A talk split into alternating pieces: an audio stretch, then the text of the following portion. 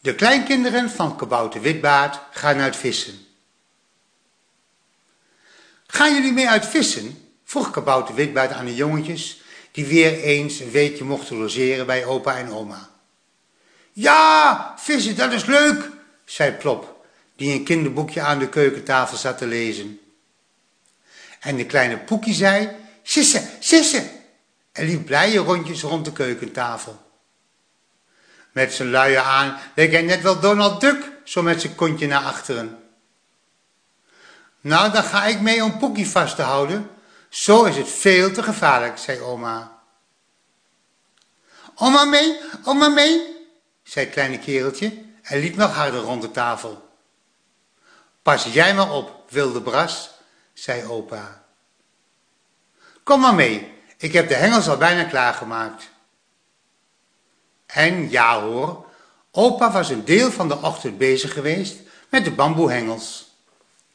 De zijne stond eigenlijk al wel klaar, maar die voor Plop moest hij helemaal nog klaarmaken.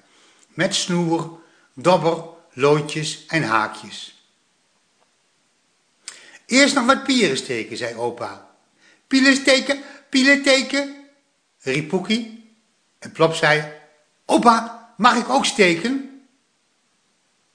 En even later stond eerst opa en daarna Plop aan een riek te rukken.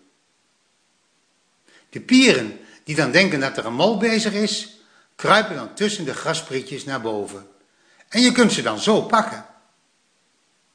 Doe jij ze in dit sempotje? vroeg opa aan Plop. Dat, dat, dat durf ik niet hoor, opa, zei Plop. En opa moest lachen. Een echte visser moet pieren durven vasthouden. Maar dat komt later wel. We gaan eerst vissen. Als jij nou jouw hengel draagt, dan gaan we naar de rivier. Maar jullie moeten goed luisteren naar ons hoor. Anders is het veel te gevaarlijk en is het feest snel afgelopen.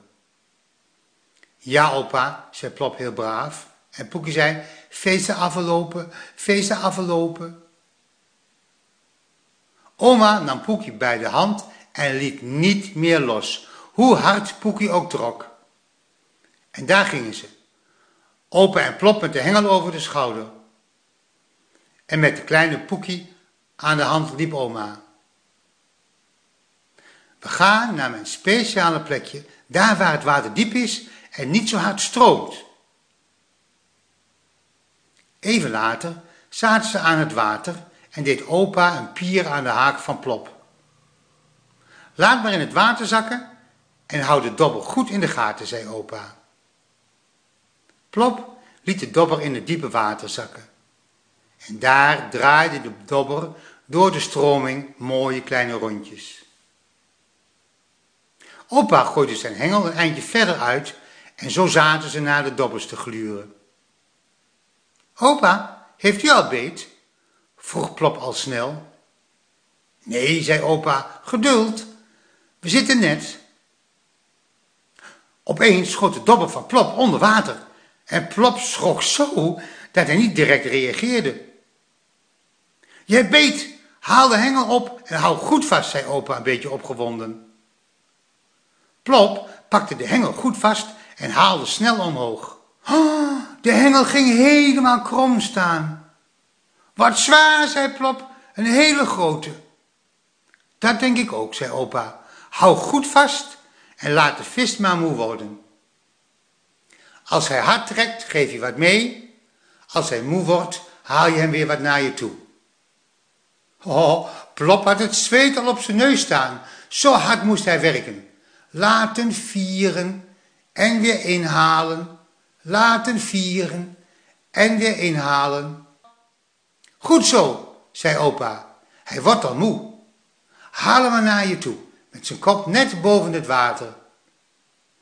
En even later zagen ze een prachtige forel aan de haak zitten. En toen zijn kop boven water kwam, stopte hij met vechten en kon Plop hem binnenhalen. Opa haalde hem van de haak. Ah, een hele mooie, prachtige forel. Forel, forel, forel, riep de kleine Poekje enthousiast, die daarna al snel op oma's schoot zijn middagdutje deed. Ze vingen er nog vijf en na een uurtje of twee hadden ze trek in dik belegde boterhammen van oma en liepen ze snel terug naar huis met een net vol vis. En s'avonds, toen werden de forellen door oma gebakken in een grote platte pan boven een houtvuurtje in de tuin.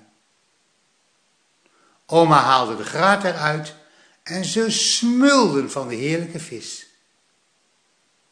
Ach, kleine Poekie viel al onder het eten in slaap en Plop zat ook al snel bij het warme vuur te knikkenbollen.